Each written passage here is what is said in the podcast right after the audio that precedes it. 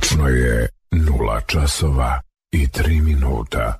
Vreme je za radio, televizija Vojvodine. Prvi program radija. 87,7 MHz. Ponoćni program. Noć obdijanje uz Billy Kinga radio, televizija Vojvodine. Prvi program radija. 87,7 MHz.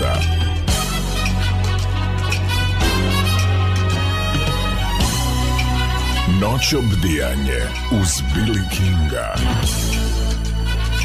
Dobrodošli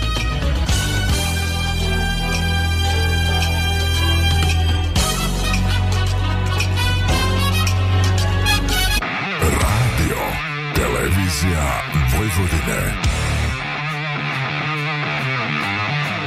Radio Novi Sad, prvi program.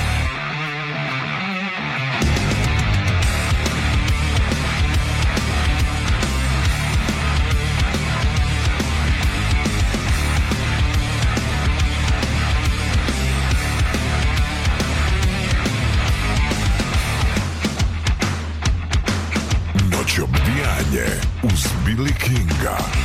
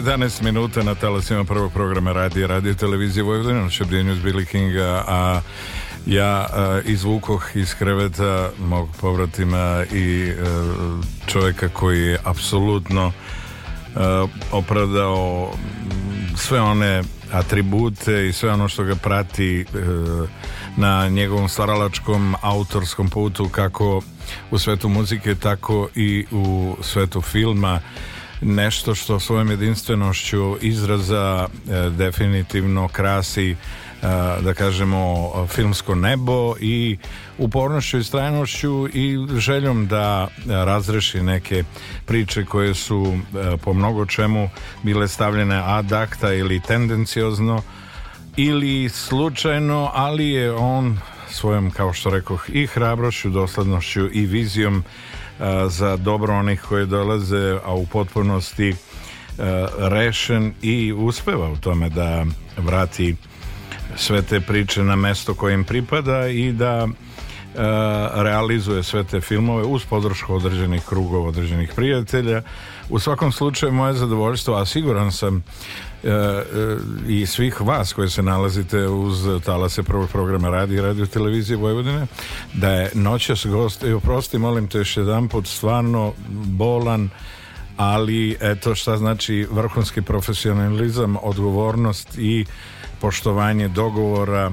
Aleksandar Reljić Relja za sve one koji su sa nama. Dobro mi je došao odnosno Ovaj, ti si ovde što Bolje kaže... te našao, Ti si ali ovde sam domaći. domorodac. Takođe. Tako je. Dobro. Lepo, lepo je što si tu večeras, što ćemo ovaj, podeliti eto nekih eh, 110 minuta kroz razgovor i zavrtat ćemo neku muziku koja nama onako po sim, sinergiji i po nekim pričama onako baš godi, prija nam i, i volimo da, da slušamo i nekako ovaj, prožive smo mnoge priče zajedno. U svakom slučaju E, ja sam e, na početku svakog od mojih druženja pitam moje goste, domaćine goste o, ko je u stvari e, nekako inicirao i ko je da kažem u pozitivnom smislu odgovoran za to što si se ti obreo u svetu umetnosti i, što je o, to tvoja svakodnevica, tvoj život i ti praktično bez tog uh, virusa koji, koji u tebi živi od rođenja i stalno budi neka nova uh, uh, sećanja, neke nove priče i želju da uvek nešto drugačije doneseš javnosti. Pa ja to ne bi nazvao svet umetnosti. Ja bi to nazvao možda svet bunta. Pre. Jer je cela priča zapravo kod mene uh, bunt taj koji me vodi i kroz muziku i kroz sve te neke priče, novinarstvo, film i tako dalje.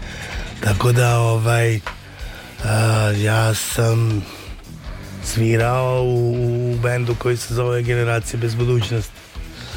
Um, ja sam se bavio novinarstvom u, u nekim, kako bi rekao, medijima koji nisu nikako bili poželjni ili barem sadržaji koje sam objavljivao nisu bili nisu nailazili na odobrenje nisu bili baš ovako ovaj um, oberučke prihvatani. Ali ovaj takođe i uh, dokumentarni film koji je eto poslednjih deseta godina definitivno moja ovaj obsesija možemo reći. obsesija, strast i tako dalje. Obsession. tako da ovaj sve je to nekako deo tog bunta od onih klinačkih dana uh, i onih 14-15 godina jel, kada sam se pankerisao po limanu i slično pa do ovaj do evo ovih nekih Liman Republika. današnjih Liman država, Država, Mislim, Liman, Liman do Darkwooda Klisa je možda do Norka ali je Liman Da, do da. Darkwooda ovaj, šalim se naravno ali u svakom slučaju ovaj Uh, sve je to negde bio deo nekog mog bunta i eto, mislim, time se i bavim i, i tome sam otprilike posvetio posvetio sve. A šta te potiče i podstiče da, da ovaj, da li taj istraživački duh koji je specifičan i svojstven tebi kroz novinarstvo, ali pre svega kao autora, odakle crpiš e, ideje i e, mo- mislim možda to i nije adekvatno pitanje, odnosno nije najbolje da odgovoriš, ali ćeš možda otkriti neku vodilju i nešto što tebe Pa određuje. nije, nema ništa tu nešto, kako bi rekao, ni misteriozno, ni tajanstveno, ni, ni Bog zna šta.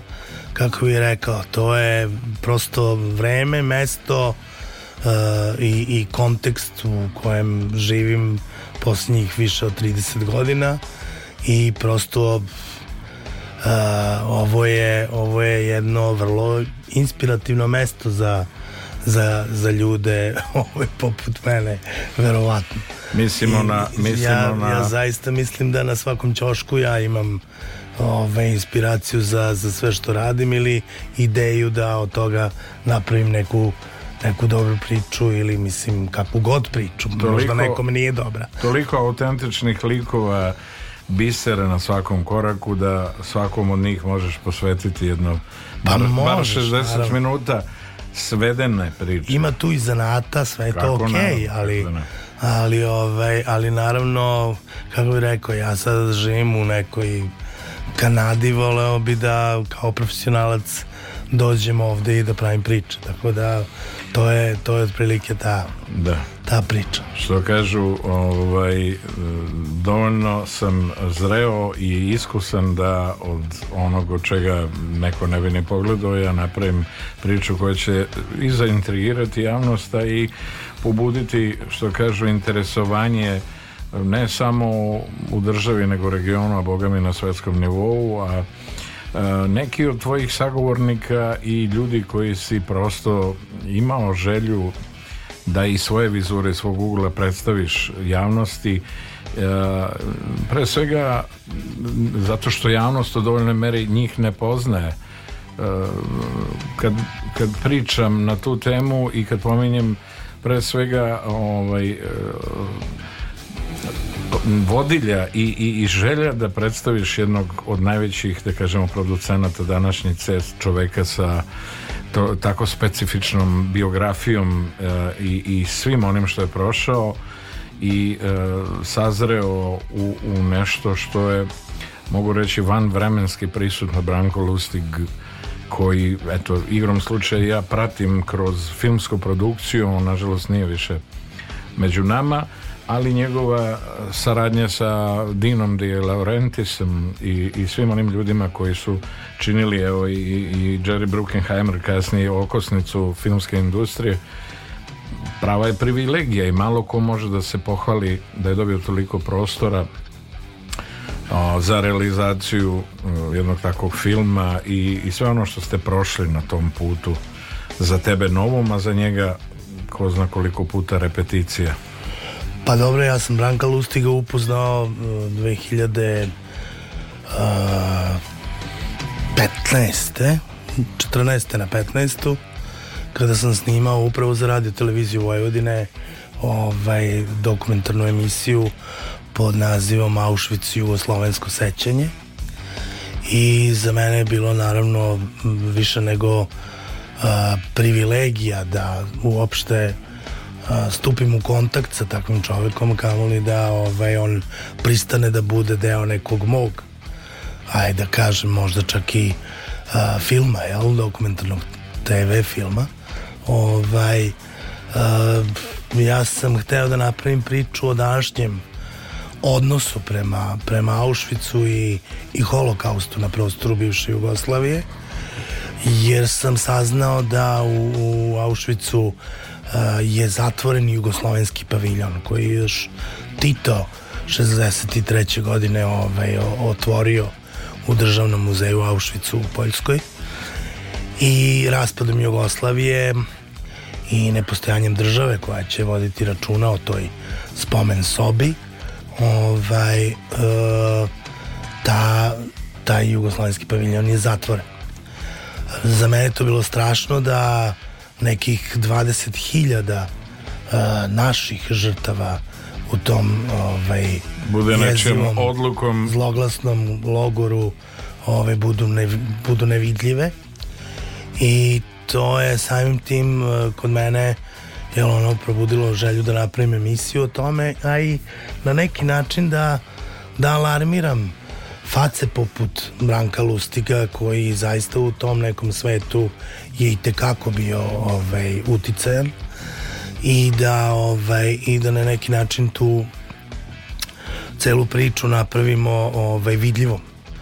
Nije se znalo uopšte da, da, da, da su jugoslovenske žrtve tamo ovaj, potpuno skrajnute, da ne postoje maltene i da ovaj, je ta da je služba zatvorena tako da sam zato krenuo da pravim tu celu priču samo upoznavanje sa Lustigom je bila velika stvar. Ja sam ovaj, odlučio da odmah na licu mesta pored pored priče koju sam pravio kao ovaj, o samom a, tom jugoslovenskom paviljonu i tako dalje, da pored toga snimim i posebnu emisiju, intervju sa, sa Lustigom i da napravim emisiju o njegovom životu, jer to je apsolutno jedan od najvećih ono, jugoslovenskih cineasta, a, dobitnik, dvostruki dobitnik Oscara, Oscara, da.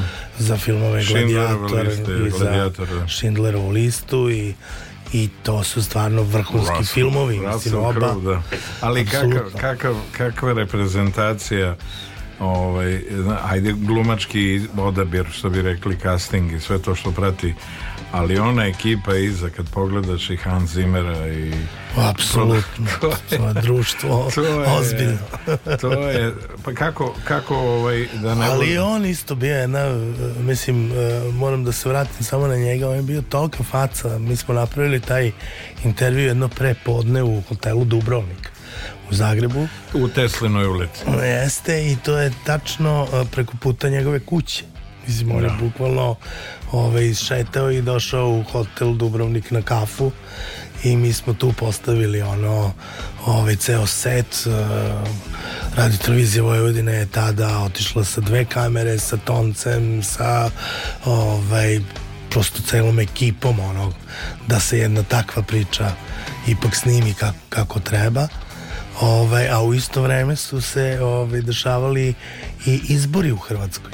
Tako da smo imali još jednu ovaj, ekipu koja je ovaj, zbog nas otprilike i, i, i, ovaj, i noćila napravila, u napravila hotelu onako Dubrovnik. ekskluzivu da. Tako da su i oni dodatno ovaj, pomagali u tom snimanju sutradan posle izbora. Ovaj, i on je onako zaista jedan neverovatno inspirativan čovjek u svakom smislu. Mislim od njega se moglo čuti istorija celog 20. veka i 21. veka na neki način tog, tog prelaza jel? tako da ovaj to, to će biti jedan, jedan rad koji će mi ostati, ostati ono zauvek u sećanju. poput lične karte da kažem Pa nekako je upravo taj uh, film i taj uh, ta neka priča mene je posle odvela na film Enkil na film o unuku komandanta Auschwitza i preživjeloj logorašici koja je simbolično usvojila uh, unuka tog uh, Rainera Hessa jel? Eva Moses Kor koja je preživjela kao bliznakinja ovaj, eksperimente, smrtonosne eksperimente Jozefa Mengelea u, u Auschwitzu koja kasnije ovaj, prašta nacistima i i 2014. u novembru mesecu se sreće sa unukom komandanta Auschwitza u Auschwitzu potpisuje sa njim zavet o zajedničkoj borbi protiv eh, neonacizma i ja tu priču pronalazim u, u Daily Telegrafu i, ovaj, i pokrećem čitavu ovde mašineriju TV Da. Vojvodine i krećemo na snimanje filma Enkil koji će mi posle otprilike otvoriti zaista sva vrata tog nekog sveta dokumentarnog filma u kojem sam eto sad skoro već 10 godina. Taj istraživački duh i želja da se iz ugla, iz vizura nekog od režisera predstavi neka priča s- ne mogu reći priča koja je doživela ovaj, uh, praktično i, i, i istraživački da se uh, potvrdi neke priče kroz istoriju Sećaš se naravno savršeno filma Momci iz Brazila sa Laurence Olivierom i sa ovaj, Gregory Peckom koji je maestralno odigrao celu tu priču. Ovaj, sama tematika i ovaj, je vrlo škakljiva, a da li se ti nekako istražujući i prolazivši kroz sve te priče naišao na potvrdu svega toga ili je to samo ono prosto komercijalizovana priča koja je imala za cilj da a, zaintrigira celokupnu svetsku a, javnost da se okrene i da isprati taj film onako sa jednom sa jednim ozbiljnim pristupom Pa ne, ako govoriš za film Momci iz Brazila, Brazila, da, da. taj, taj film je konkretno na mene jako ostavio ovaj veliki pečat jer upravo kao klinac sam ja zapravo gledao momke iz Brazila pa i da. sećam se i sećam se strašne jedne situacije lične jel da je ovaj baka od mog najboljeg druga koja je preživela Mengelove eksperimente doživela maltene nervni slom tada. Jer a, i, i zvala je svoje sinove jel? A, i tražila pomoć i mislim upala bukvalno u neku paniku kako bi rekao ovaj, gledajući gledajući Gregori Peka kao kao Mengele a?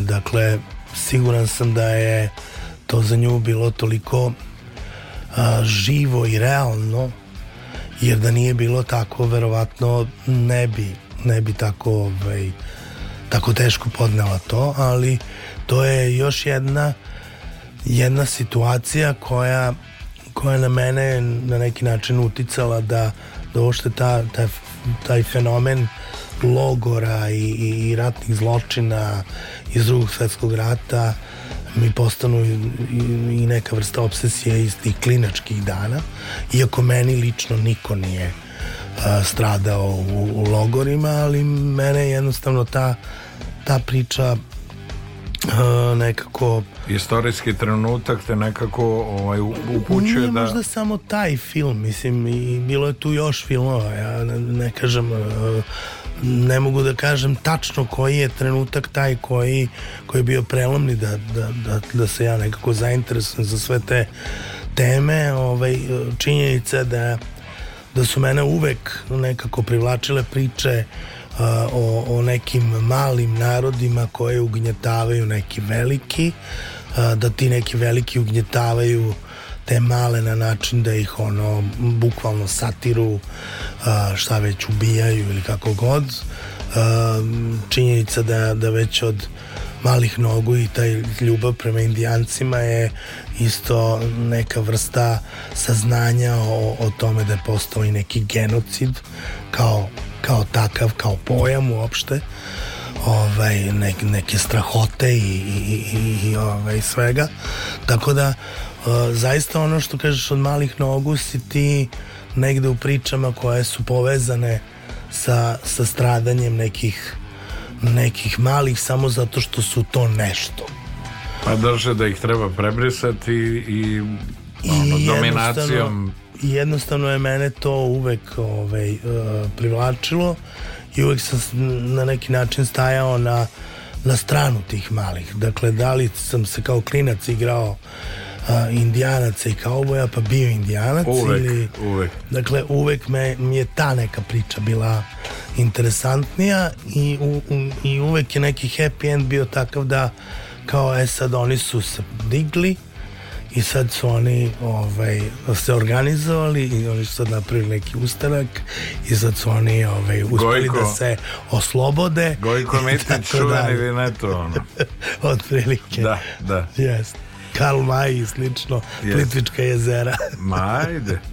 Ovaj, ne- neverovatno kako, kako u svakom od nas a, se bude i, i emocije i posebna, posebna vrsta bunta da kažem kad god su te ovaj, dečačke male neraščišćene priče i odnosi prisutni. Znaš ono od vrtića i toga stalno ti klinci koji nešto valjda isprativši i živevši u situaciji okruženju kakvom žive pa drže da je ovaj, sasvim logično da maltretiraju kompletno okruženje a u stvari tako sve počinje.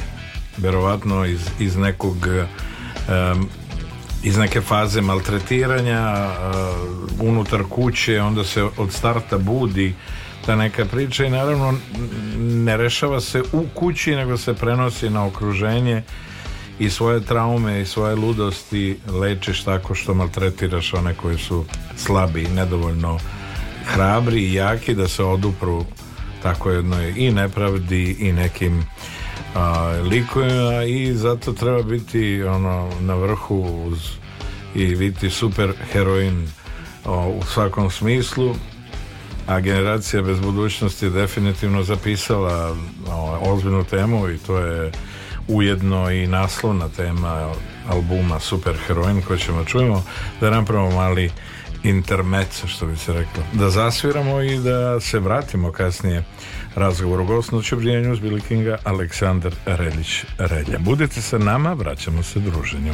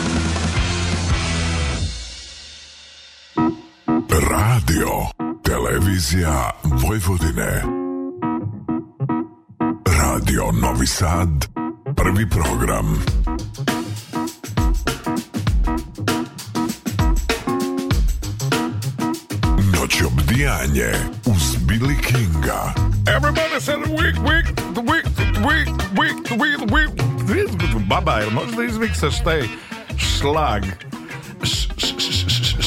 Šlag, šlag. Dobrodošli u noć uz Billy Kinga na talasima prvog programa radija, radio televizije Vojvodine. Moj i vaš gost, u stvari domaćin ovde mnogo, mnogo duže nego moja malenkos Aleksandar Erić Relja. E, ti kažeš, ne bi ti to nazvao umetnošću, a ja bi baš nazvao umetnošću, jer umetnost podrazumeva visprenost, viziju, kreativnost, hrabrost i ono, tu želju unutrašnju da to što si namerio a, realizuješ, ali da ispraviš neke greške ovaj, istorijski gledano koliko god se to izgledalo preozbiljno ali eto dao si na ovaj, svu sreću tebi ulogu koju ti ovaj, onako bespogovorno e, iznosiš i napravio si mnogo toga interesantnog u posljednjih deseta godina kako si se a, dao jedan kroz jedan da, da, da ovaj, realizuješ sve te priče. Znam da u tvom nekom fondu imaš već unapred nešto šta ćeš da radiš i ne bi o tome naravno da pričamo, da otkrivamo ili su, to su sve te male autorske i režiserske ovaj, tajne. Ali ono što me interesuje a, jeste a, kako ti to pričao si malo pre, ali kako, kako navodiš sebe da i kako dolaziš do odluka da to realizuješ? Pa zavisi, zavisi, ima, mm, dakle, različite su teme i različiti pristupi, pa samim tim i različite, različite inicijalne kapisle, jel, koje me ono otprilike lansiraju u, Vode u- u- teraju. u- i teraju u neku priču. E, evo recimo, ajde da dam jedan primer. Film Do daske koji je izašao prošle godine koji je ovaj, između ostalog se bavio stigmatizacijom a, ličnosti, stigmatizacijom jednog čoveka kojeg su uništili mediji. Taj jedan čovek je takođe jedan naš bivši kolega ovde, Srđan Šveljo. Šveljo, koji je a, kojeg su mediji osudili za pedofiliju a kojem se nikada nije sudilo za pedofiliju. Sama ta činjenica je već e, bila e, za mene katastrofalna, jel, da, da unište i čoveka i njegovu porodicu i, mislim uopšte ta vrsta em, to je, to je takođe bio jedan zločin prema čoveku.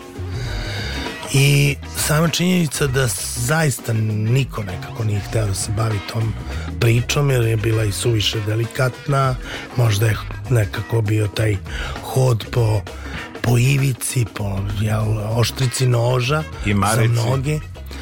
Za mnoge, ali meni se nije to tako učinilo. Meni se ipak učinilo da je prema čoveku napravljena jedna ogromna nepravda i da treba nešto uraditi. Treba bilo šta a, preduzeti da se na neki način a, čovekov taj obraz ipak a, zaštiti od svetla možda, eto, nemam pojma ni ja, ni sam ne znam kako da to ovaj, opišem, samo znam a, da u tim situacijama kada su mediji krenuli u tu ofanzivu na njega a, o, osjećao sam strašnu potrebu da nešto uradim.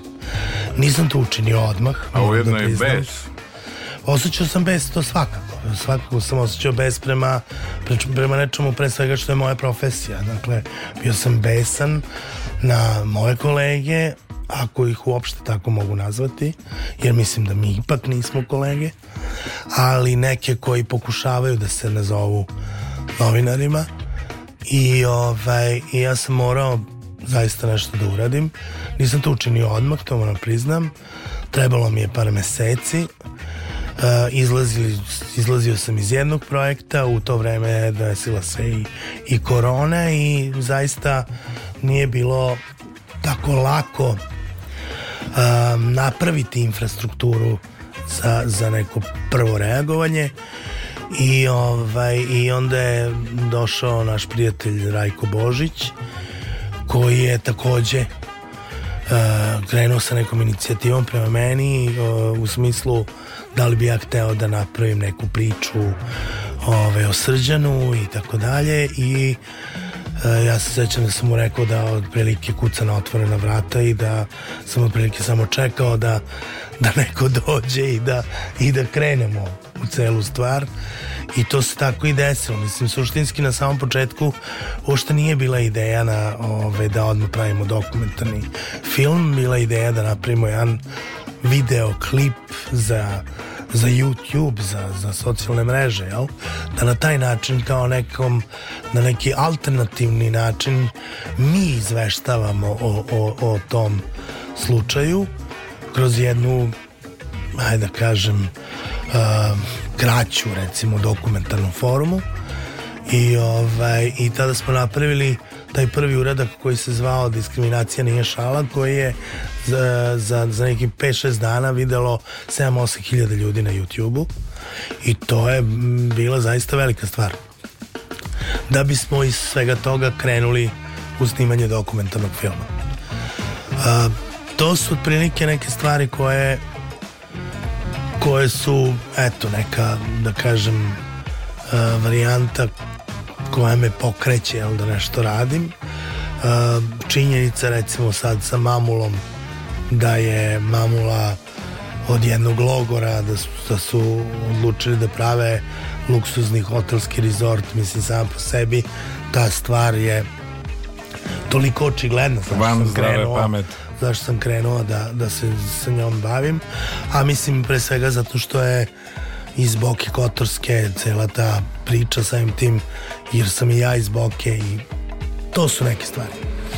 E, šta sam teo da ti kažem a, osvrćući se na sad, na sad ovu priču e, ono što je generalni problem da kažemo ljudi koji drže ovaj, sve te kajase u rukama da kažemo prevideli su da se mnoge priče e, koje su koje su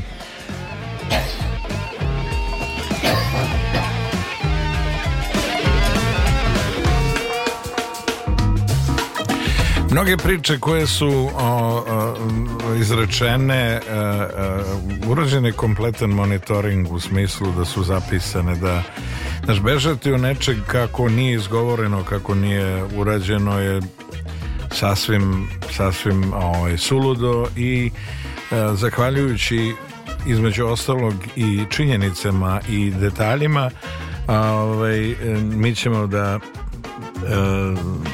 uživamo u, naravno u temi e, koja je mnogi od nas pomerala a u filmu Munje. Da dešava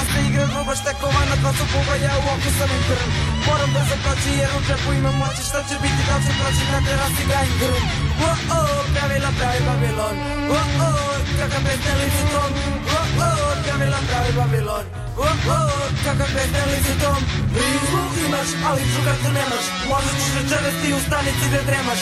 Rizmu imaš, ali čukartu nemaš. Možda ćeš večeras ti u stanici da dremaš. Rizmu imaš,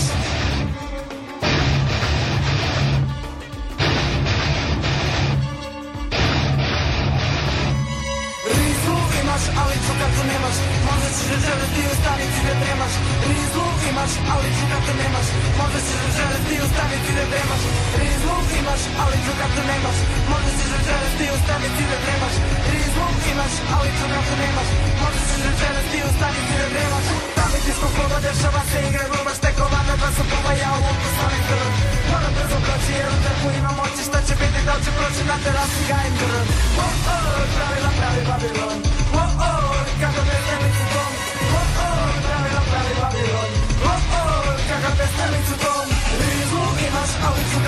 nemaš Možda ćeš večeras ti u stanici da dremaš. Rizlu imaš, ali čukartu nemaš. Možda ćeš večeras ti u stanici da dremaš. Rizmu imaš, ali čukat nemaš. Možeš se večeras ti u stanici da dremaš. Rizmu imaš, ali čukat nemaš. Možeš se večeras ti u stanici da dremaš. Kad nemaš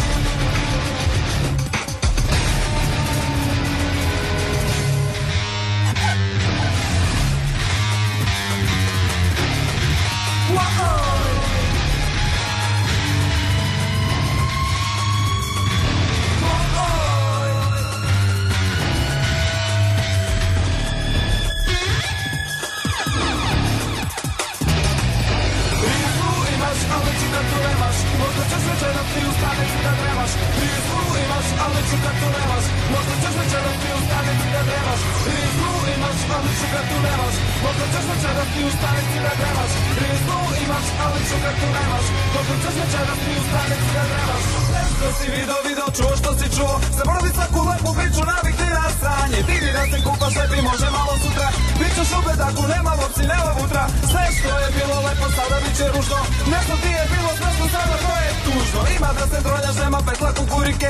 Sreće vreda, nema bre, sve zbog jednog čike. Prizlu imaš, ali čukatu nemaš Možda ćeš večeras ti u stanici da dremaš Prizlu imaš, ali čukatu nemaš Možda ćeš večeras ti u stanici da dremaš Prizlu imaš, ali čukatu nemaš Možda ćeš večeras ti u stanici da dremaš Prizlu imaš, ali čukatu nemaš Možda ćeš večeras ti u stanici da dremaš Prizlu imaš, ali čukatu nemaš Možda ćeš večeras ti u stanici da dremaš Prizlu imaš, ali čukatu nemaš Možda ćeš večeras ti u stanici da dremaš Prizlu imaš, ali čukatu nemaš Možda ćeš večeras ti u stanici da dremaš Prizlu imaš, ali čukatu nemaš Možda ćeš večeras ti u stanici da dremaš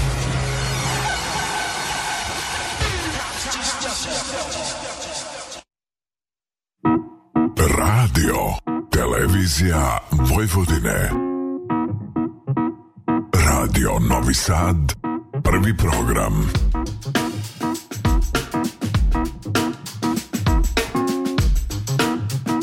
Noć obdijanje uz Billy Kinga.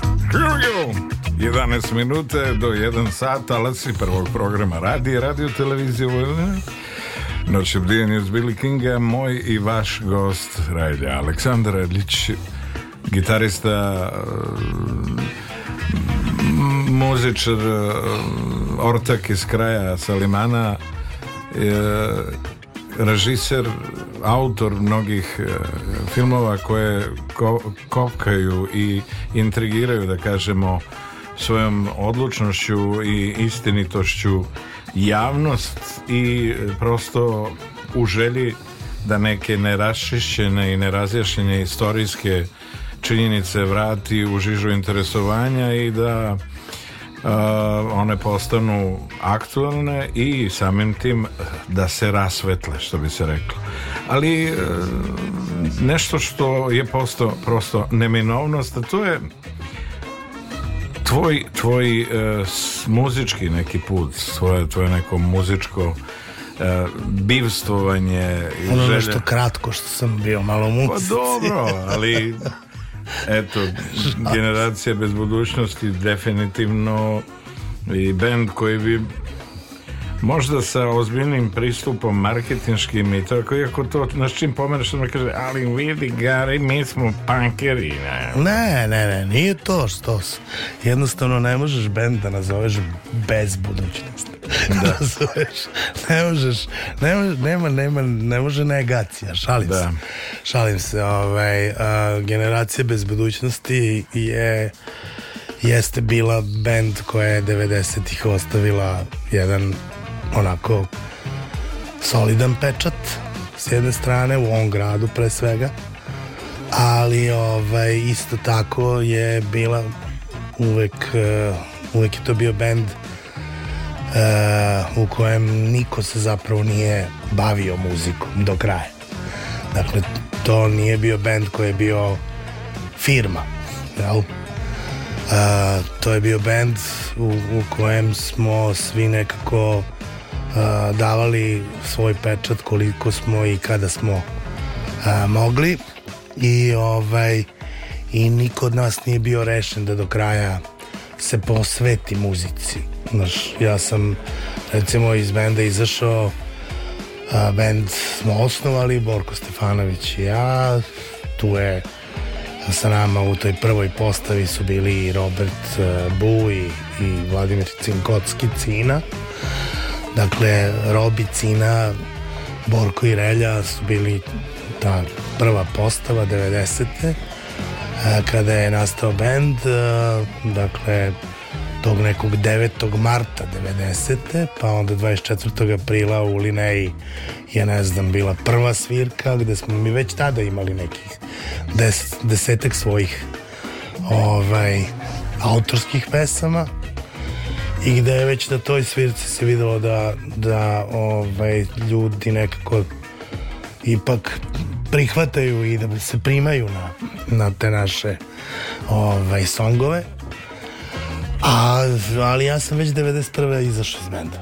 91. Ovaj, smo izdali bili tu singlicu Ima da me slušaš i ja iz nekih eh, što ličnih, što kolektivnih razloga ovaj, sam polako napustio band. Možda baš zbog heavy metalaca, recimo, koji su bili na neki način involvirali, to, involvirani i u rad ovaj, u rad na, na tom Albumu? na tom ovaj, singlu, jel? Kasnije. Z, Z Maddox i to. E, pa dobro, bilo je tu i nekih drugih ovaj, likova, ali da, to je otprilike iz te, iz te kuhinje. Ovaj, tako da, manje više to, nije to toliko bila frka. U svakom slučaju, pre tog prvog albuma koji je zaista ostao ovaj, e, ostavio ozbiljan jedan trag ajde da kažemo istoriji sad novijoj istoriji srpskog rock'n'rolla ovaj, ja sam ipak izašao tu je bilo nekoliko i mojih pesama na tom albumu i ja sam sve do 2006. godine odolevao 2006. je trebala da izađe ova knjiga Novosadska punk verzija i uoči izlaska te knjige uh, autori su nas zvali da, da sviramo na toj promociji i, ove, i ja sam se tada ponovo priključio ove, ekipi i mi smo dakle od te 2006.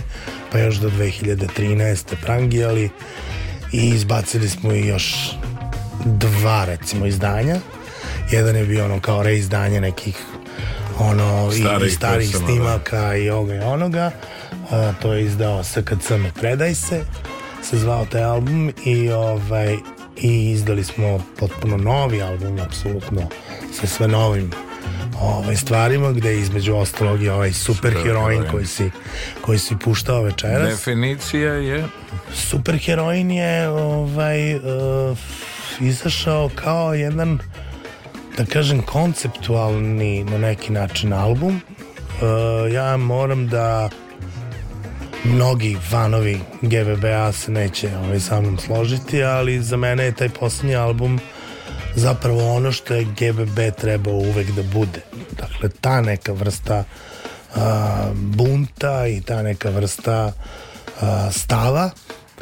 A, taj album je ovaj sa tim naslovom Super heroin zapravo i govorio o tom pojedincu u društvu koji se koji se na sve moguće načine bori protiv tih pritisaka konzumerizma, pritisaka uh, jednog uh, bezdušnog društva u kojem, u kojem živimo danas i mislim da on u sebi ima tu, tu univerzalnu notu koja, koja će moći da se oseti i za nekih 10 godina kada se ponovo pusti. Uh, super heroin zato što u to vreme je zaista uh, heroina bilo na ulici katastrofa koliko je to bilo ono ovaj, koliko je bilo tih jezivih vesti o klincima koji su koji su Nestali. overdozirali i nestajali Da, da.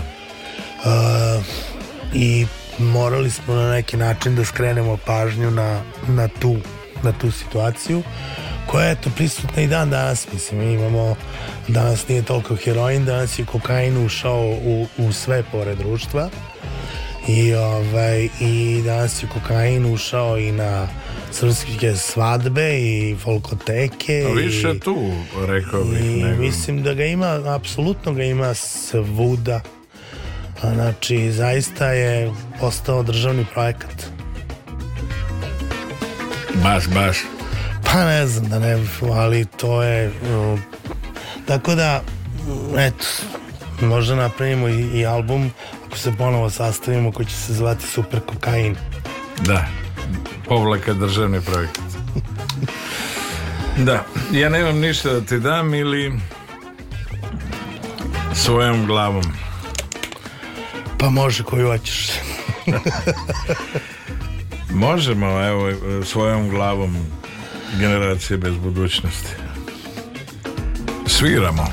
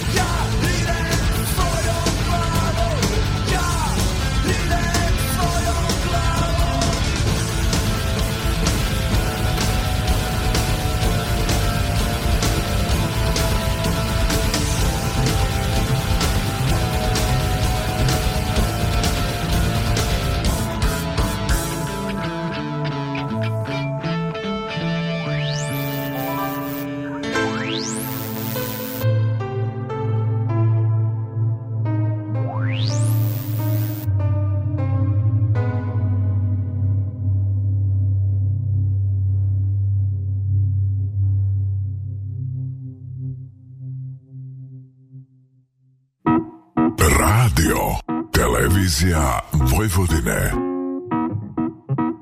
Radio Novi Sad, prvi program.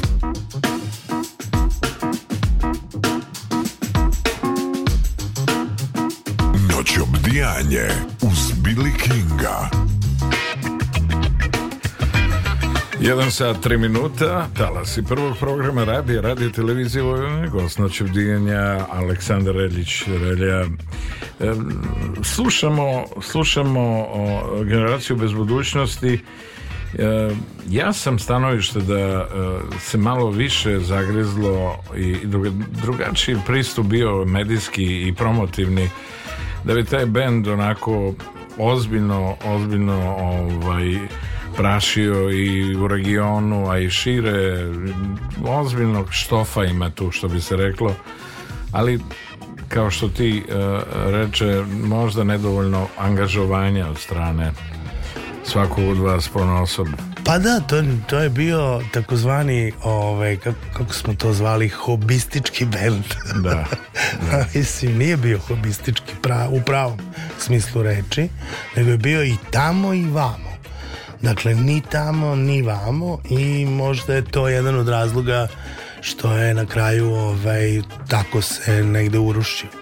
E sad, sa druge strane, postojalo je dosta ljudi koji su a, nekako hteli da ipak taj bend opstaje i ovaj i mi smo imali jako puno postava naravno dakle kroz sve te godine prošlo je ja mislim šleper ljudi kroz, kroz, kroz bend A, nažalost na kraju ipak a, eto u, u martu 2013. godine se bend konačno raspao ali e, nije tu bilo klasičnog tog bičevanja mrtvog konja kao što mnogi možda misle da je bilo ovaj, to neko održavanje tog benda na, na ne znam, Mišić. aparatima, na mišićima i slično. Da, da. Ovaj, nije bilo toga, mislim, bilo je tu jako puno neke energije koja uh, koja je bila prisutna. Ja ne znam, ja, ja mislim da evo ovog trenutka sada da se ponovo sastavimo da bi opet bilo tog nekog entuzijazma i svega.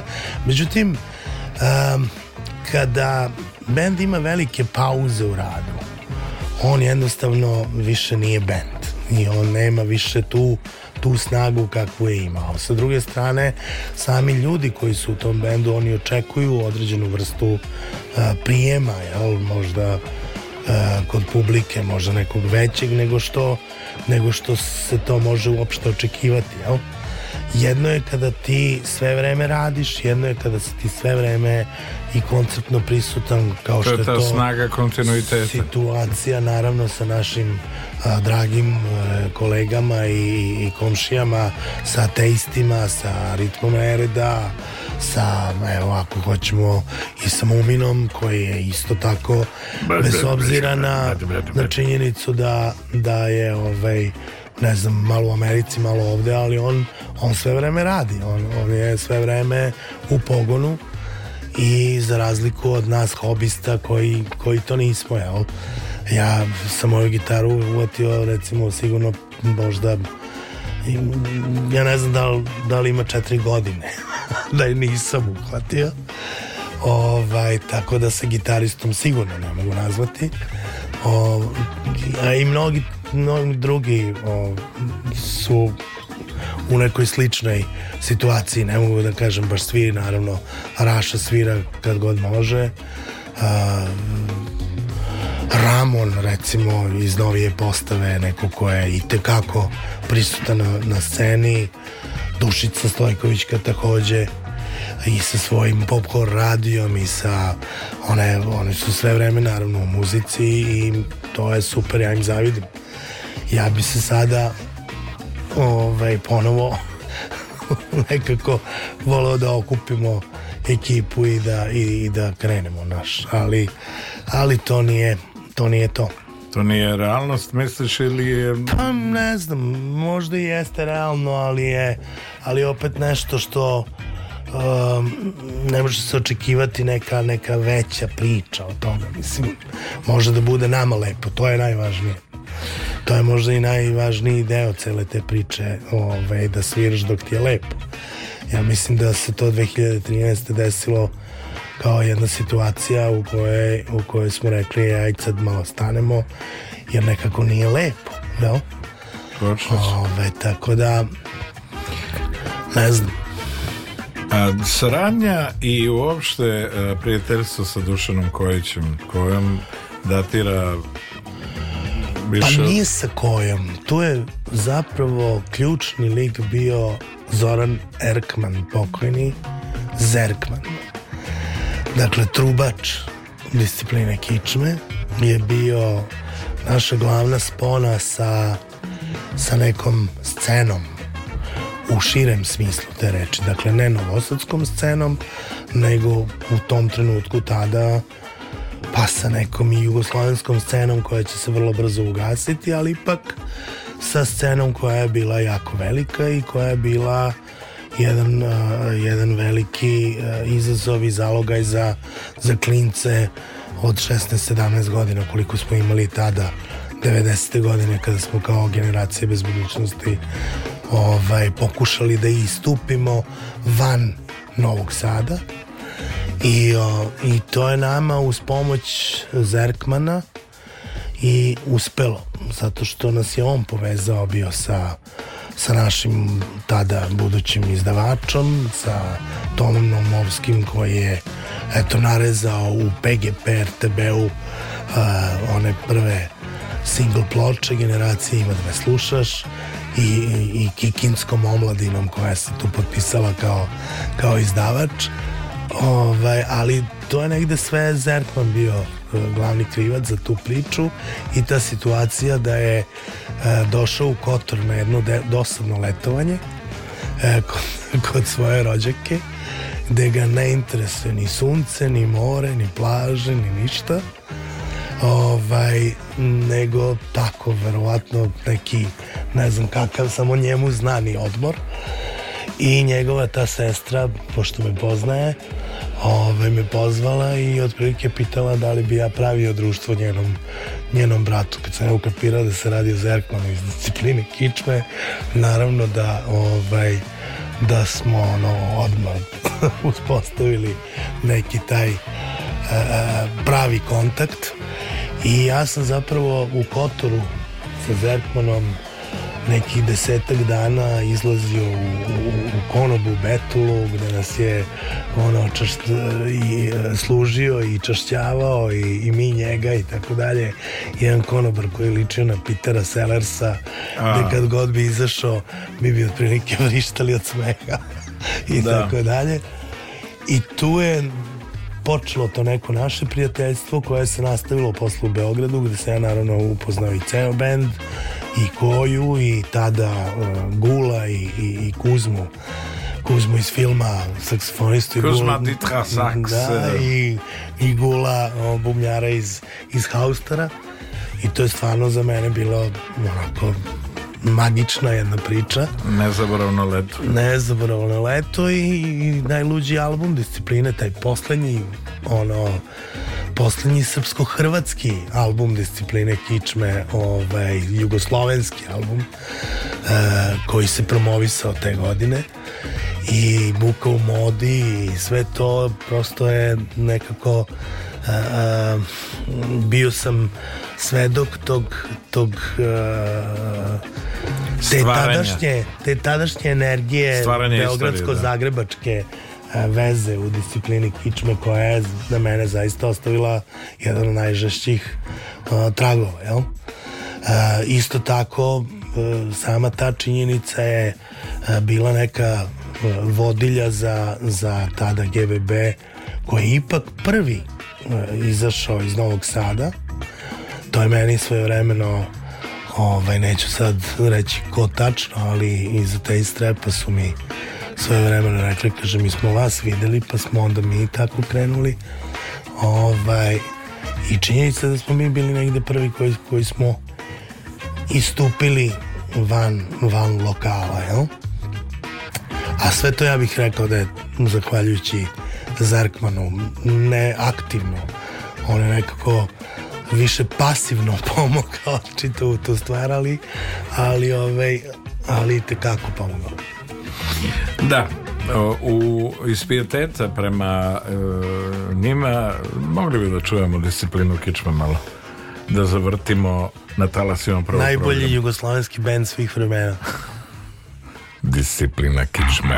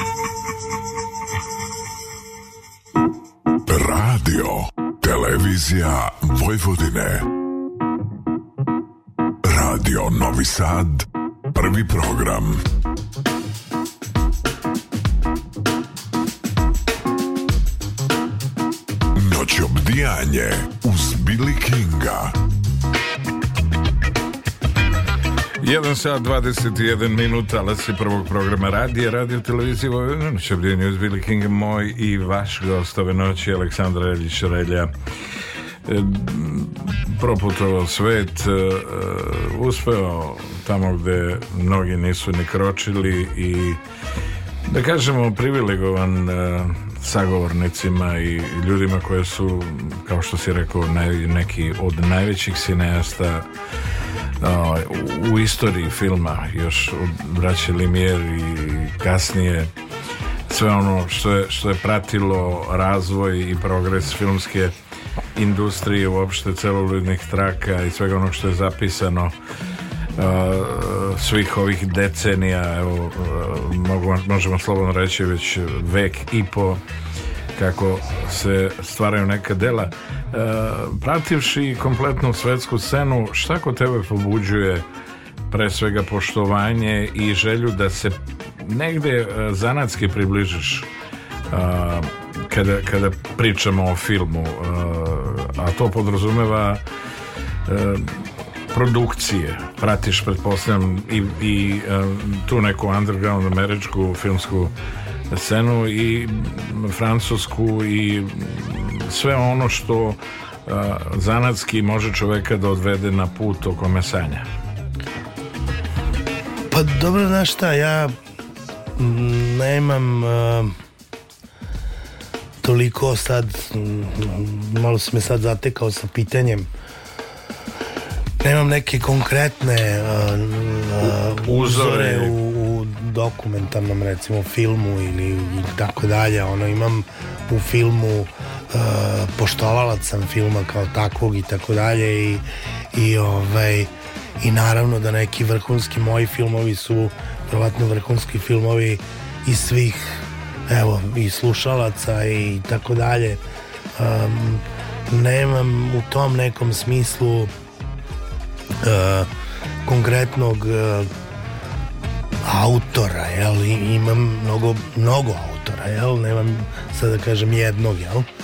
Uh, ono što, što je mene uh, vodi u film su zapravo te priče koje smatram da, da treba da budu ispričane. To je to ono što, što je moja ta vodilja. Um, to je jedno, sa druge strane postoje neki zakoni, jel, kako se filmovi prave, ne, neke, neke konvencije u filmskoj industriji koje treba da se ispoštuju, da, da bi, da, da bi se film napravio.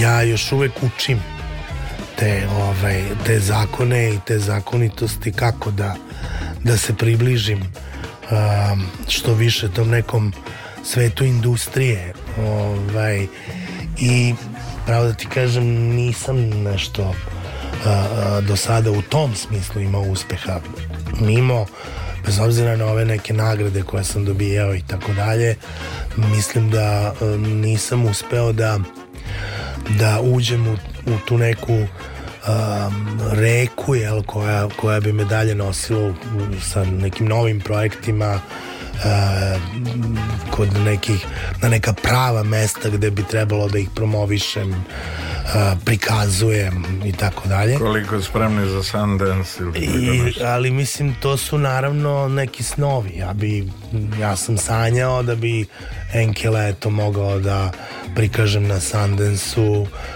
na Toronto Film Festivalu na ne znam kom festivalu. Ovaj činjenica je da sam sanjao o tome ali ali to sa druge strane ipak ispostavilo se kao jedna nemoguća misija. Sa druge strane desila se jedna neverovatna situacija da sam ja uspeo da, da dobijem američkog distributera za, za taj film za film o unuku komandanta Auschwitza za taj Enkel koji je rađen u produkciji radio televizije Vojvodine. Mi smo uspeli da stupimo u kontakt sa najjačim američkim distributerom za dokumentarne filmove, to je Submarine Entertainment. Submarine Entertainment je između ostalog uh, um, recimo radio distribuciju i bio koproducent uh, u filmu I'm Not Your Negro koji je recimo jedan od poznatijih američkih uh, dokumentarnih filmova pa onda Searching for Sugar Man koji je takođe jedan sjajan film tako dalje to su dva brata Josh i Dan Brown koji su koji su zapravo uh, I Rodriguez nas je napustio predvesno i grana. oni su sami muzičari mislim ta dva brata koji drže taj Submarine Entertainment tu njujoršku firmu taj, taj njujorški uh, Weltschmerz uh, je između ostalog i deo njihovog miljeja gde su oni recimo um, kao muzičari svirali sa Jimom Jarmušom u bendu Del Byzantines. Kasnije su bili uh, osnivači Svonsa i tako dalje.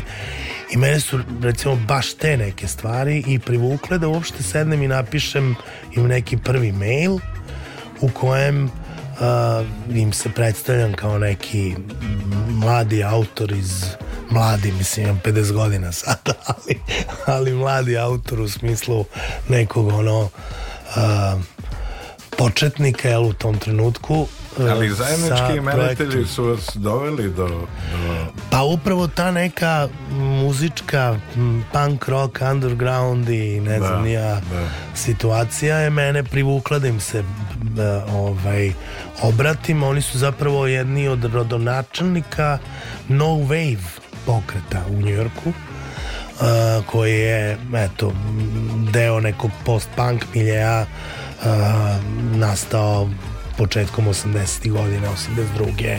treće i tako dalje ovaj i ono što je nevjerovatno je da su oni na moj prvi mail odreagovali i to tako da su me sutradan pozvali i telefonom i mi smo se onako zdušno ispričali i negde na kraju tog razgovora vezanog za, za eto, posao oko distribucije filma ovaj, u Americi Uh, ja sam otprilike Dan Brownu rekao da me privuklo baš to što su oni njegov burazer pankeri Da, da. jer sam i ja neki kao šatro panker iz, iz Srbije i rekao ako treba s nekim da radim više volim da radim s Pa pankerima namazan, ti si namazan.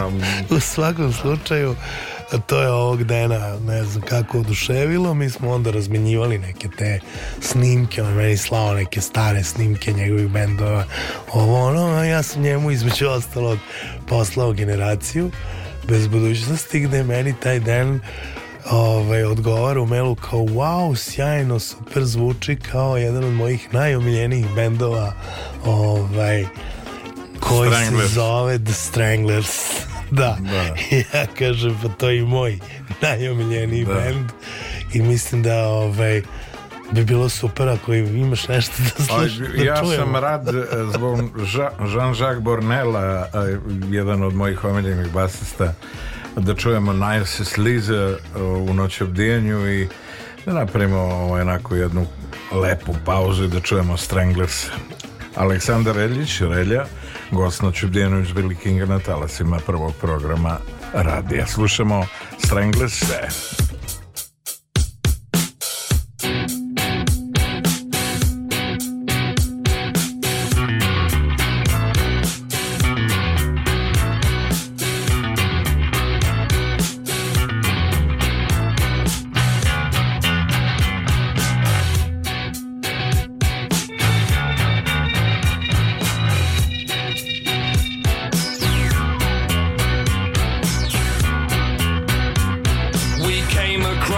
the We didn't have much idea of the kind of climate waiting. We used our hands for guidance, like the children of a preacher, like a dry tree seeking water, or a daughter. Nice and sleazy, nice and sleazy does it.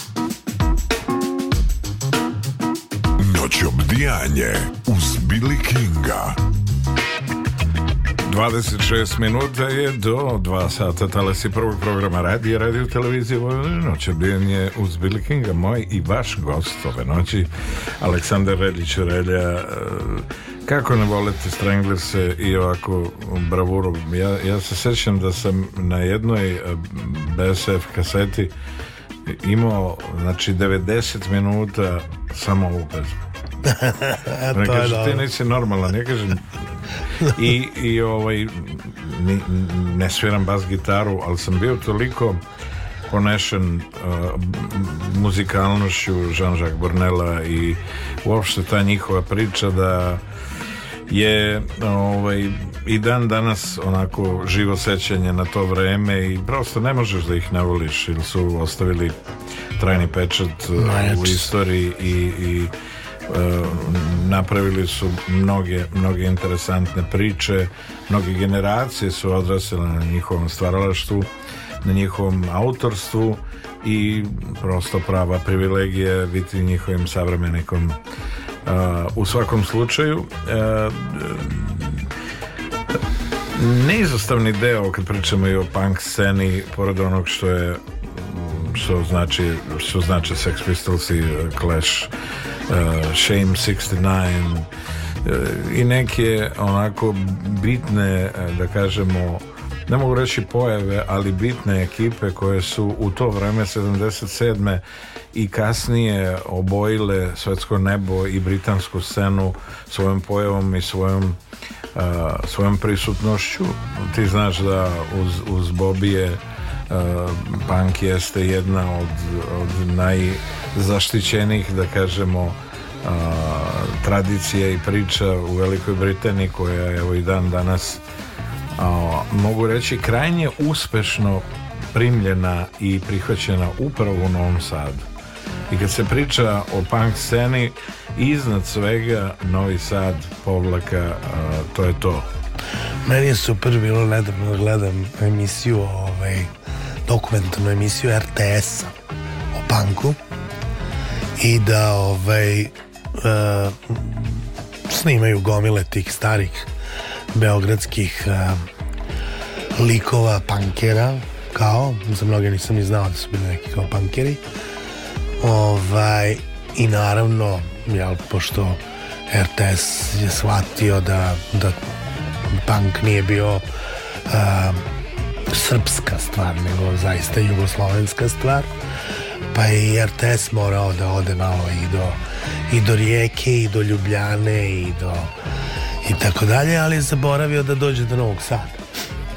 Ali ove, je zanimljivo da su svi ti, mislim, bilo je par, ne mogu da kažem, bilo je par ove, naših prijatelja koji su isto između ostalog ove, bili u, u, u toj emisiji, ali je bilo vidno da da nisu uradili domaći zadatak što se tiče novosadskog panka.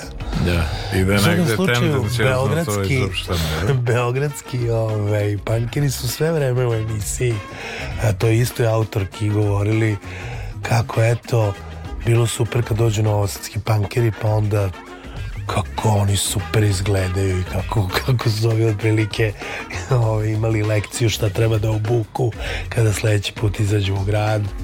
Ili ovaj ili pričaju eto kako su svirali eto i bilo je tu nekih bendova beogradskih ali pekinška patka je ipak i tako dalje dakle sve vreme u emisiji ti isti beogradski pankeri pokušavaju autoru da Da je navedu.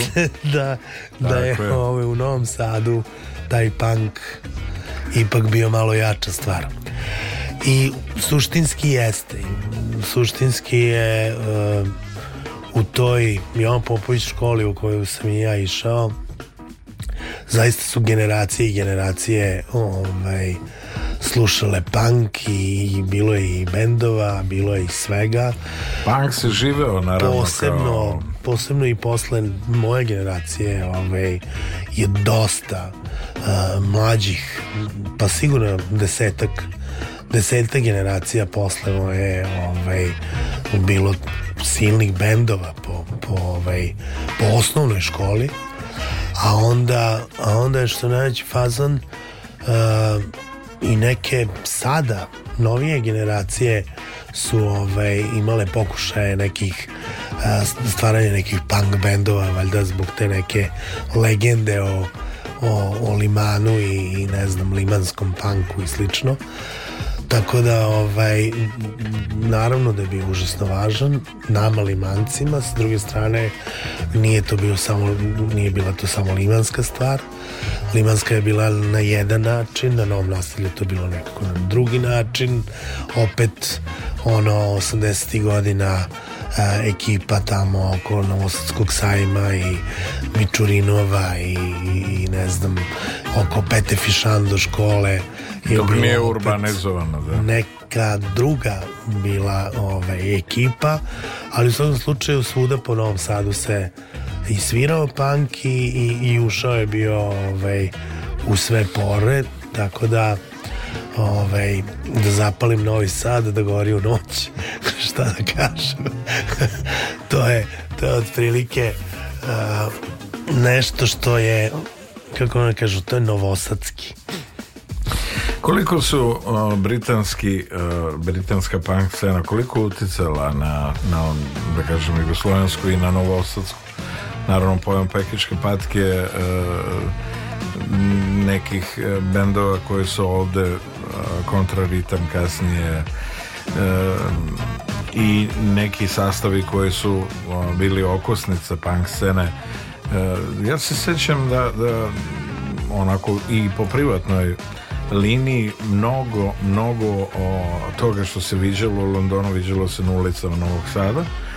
I Novi Sad je definitivno bio o, da kažem grad u kome se sve to krajnje transparentno nosilo bez obzira na neslaganje unutar kuće, roditelje taj jedan bunt, jedan otpor prema svemu onome što je kulturološki, fenomenološki bilo prisutno i e, je našao svoje mesto ovde i zaživao je, možemo reći, u najvećoj meri u Novom Sadu. Pa jeste, mislim, naj, najžešći utjecaj je bio zapravo baš britanskog panka. A, posle će veliki utjecaj biti i tog nekog britanskog i futbala a, na, ne znam, formiranje a, pa ako hoćeš i tih navijačkih grupa, ne znam, firme i ostalo. Nije firma bila firma, nego je bila prvo Red Firm. A ove, bila je Red Firm zbog We Are The Firm. Zbog uh, prosto uh, Cockney Rejects, jel? opet je to bilo negde vezano za za ovaj, muziku i za, i za um, punk Jedno prati drugo. futbal i punk to je tu su sad malo bolji eksperti od mene u svakom slučaju za razgovor i Igor Todorović Zgro i, ili recimo Dimitrije Banjac. Da, da, da, da. ovaj, oni, su, oni su ti tipovi koji to jako dobro ovaj, znaju. A ja sam manje u, tom nekoj, u toj nekoj futbalskoj priči. Ne manje nego mnogo mnogo manje. Ali u svakom slučaju britanski punk i taj post-punk i, i od ono Sex Pistolsa, ne znam, Clash i tako dalje do ovaj uh, Peter and the Test Tube Babies recimo koji su kada su svirali u Novom Sadu mislim da je to bila 2007 na, ovaj, na Trgu Slobode kada su videli dakle prepun trg kada su videli da na, na tom prepunom trgu ljudi ovaj, pevaju sve njihove pesme dakle od početka do kraja koncerta da ovaj, Malo je reći, bili su zbunjeni. da, oni su bili apsolutno ono, u knockdownu, totalnom. E, interesantno je recimo da sam ja sa njima proveo i to jedno popodne pre pre ovaj, e, koncerta popodne i veče i šta ja znam mi smo, mi smo kod Branka gore u ateljevu ovaj, kod Bisike e, imali neku kao ajde da kažem prijem zakusku klopu za, za bend i ostalo i druženje naravno. I, ovaj, i ja sam provalio da je već tu njima nije bilo jasno koliko je došlo ljudi i koliko ljudi kapiraju to što oni rade ali e, mislim da im ni na kraj pameti nije bilo da će ovaj, svirati na centralnom trgu gradskom ovaj, u smislu neki mali skver, nešto šta ja znam ovaj, i da će naravno napuniti ceo taj trg i da će imati takvu, takvu vrstu prijemna. To, to ja mislim da je moglo samo u Novom Sadu da se desi. Um, posle isto jedan magičan koncert Demneda ovaj, ja mislim sledeće godine godinu dana 2008, nakon toga. Ovaj, u onoj šumici kod filozofskog fakulteta to, to su recimo stvarno svirke koje su pokazale da e, na jednom mestu otprilike deset generacija može da, ovaj, da dođe da sluša taj bend i, i da zapravo podjednako prati ovaj, ceo taj vibe i ceo taj kontekst koji, koji je ovaj, koji je zapravo kontekst tog benda jel?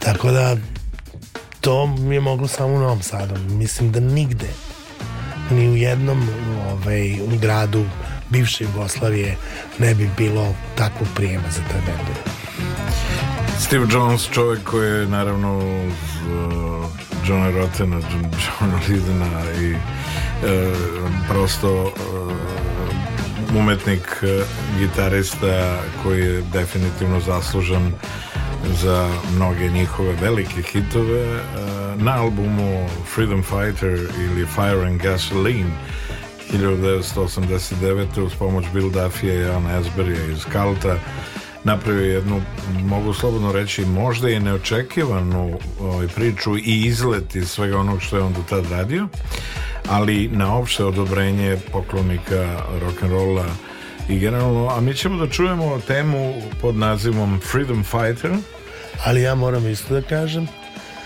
ako mogu da se ubacim da je Freedom Fighter i, i, i Fire and the Gasoline recimo album ceo e, me strašno podsjeća na žutu kuću da. neku 89-u kada se onako ceo album vrteo. ovaj, vrteo Atomic. Playboy, Stevie Da. Stevensa i To je nevjerovatno. Dakle, ovaj, Steve Jones, uh, Fire and the Gasoline i recimo Bloody Lawn, Mila Dojka You Need. To Da. su Da. to su bile dve, da ne kažem, ploče koje Da. su se vrtele u žutari. tako je. I još jedan interesantan band koji možda ne znaš, a koji je bio neka vrsta replike na ovaj, Red Hot Chili Peppers, tada jako popularne već, sa Mother's Milkom je krenula ta neka Da. popularnost, ovaj, eh, barem tu negde kod nas.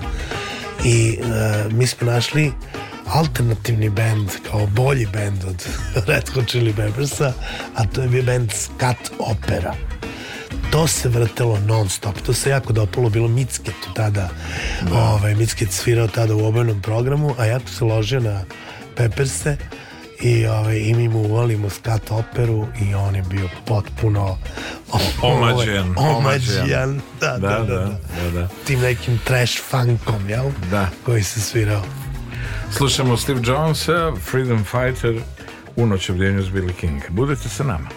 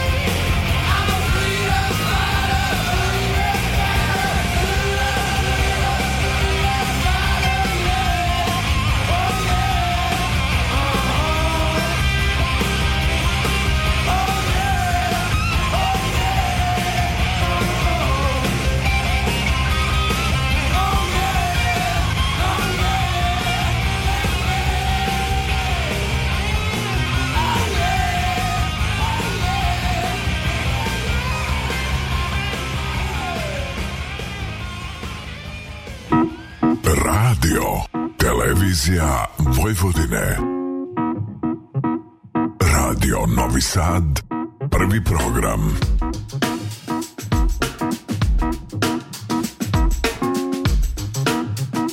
Noć obdijanje uz Billy Kinga. 8 minuta je do 2 sata talasi prvog programa radija, radio televizije Vojvodine. E, Noć obdijenju uz Billy Kinga, moj i vaš gost Aleksandar Elić Relja. Evo, uspeli smo nekako da prebrodimo i taj kašalj i Jo, veliki A? kašalj koji me sašio najstrašnije. svaka Ali ti dobro, čast evo, i hvala ti smo. mnogo što si ono svojim odgovornim pristupom, ponašanjem i ovaj, posvećenošću ipak vrhunski profesionalac i uspeo si da odgovoriš na ove odgovore. jedan mali ovaj napad, ali, Jest, ali nije smo- strašno, nije strašno. nije bilo strašno. To, da. a ako se jutro po danu poznaje, odnosno po noći, kako god neka ovo bude put uh, kašlju, daleko mu bila lepa kuća, što bi se reklo. I put u bolji dan. Jeste. Kaži ti meni, ovaj, e, šta je ono što možemo očekivati iz kuhinje Aleksandra Reljića ili ti Relje u Uskoro. 2024. Ako, ako nije za Ne, ne, jeste, sve je okej. Ovaj, ja se nadam da ću pre svega završiti moj film Novosadsko sećanje o Novosadskoj raciji. Evo, uskoro bi trebalo da e, bude obeležavanje tog strašnog e, zločina. zločina u, u, u istoriji ovog grada. E, ja se nadam da ću završiti film i da će u Srbiji imati premijeru e, pa ja mislim negde u maju mesecu. Tako bi trebalo. Ovaj, to je eto najveći izazov trenutno. A što se tiče e, gitare i Bendova i to sve. tako to.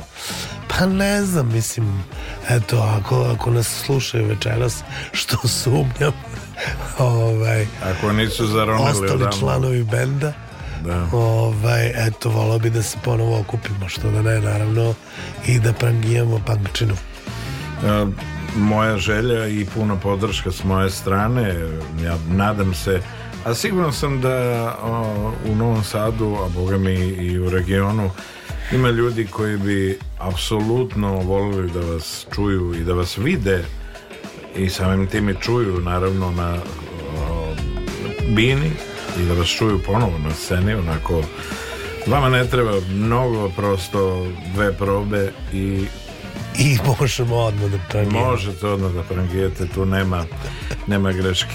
E, Ali to je uvek ono pitanje if the kids are united. Da, da, Šta da, bi se ona, desilo? ona, ona nekako, Shame 69 nekako vas vezuje ono punk e, i sve što se dešavalo i sport i, i bunt koji je nekako kroz svoju simbiozu ovaj, upravo najviše zastupljen u Novom Sadu kao što smo konstatovali svih ovih godina a band Shame 69 u najboljoj meri oslikava to vreme i, i sve te lude glave željne slobode željne onako prostora u kome bi iskazale svoju kreativnost i svoju e, želju i volju za, za slobodom i za životom kakav su oni koncipirali. Slušamo Shame 69 u temi If the Kids Are United. Relje, hvala ti mnogo na vremenu, pored Hvala tebi što si zvao. gripa i viro, viroze i šta god da je daleko je lepa kuća Uh, mi se čujemo i ovaj, vidimo idućeg četvrtka na petak noć u isto vreme. Budite sa nama. Prvi program radija, radio televizije Vojvodine. Noć obdjenju uz Billy Kinga. Slušamo temu If the Kids Are United, Shame 69.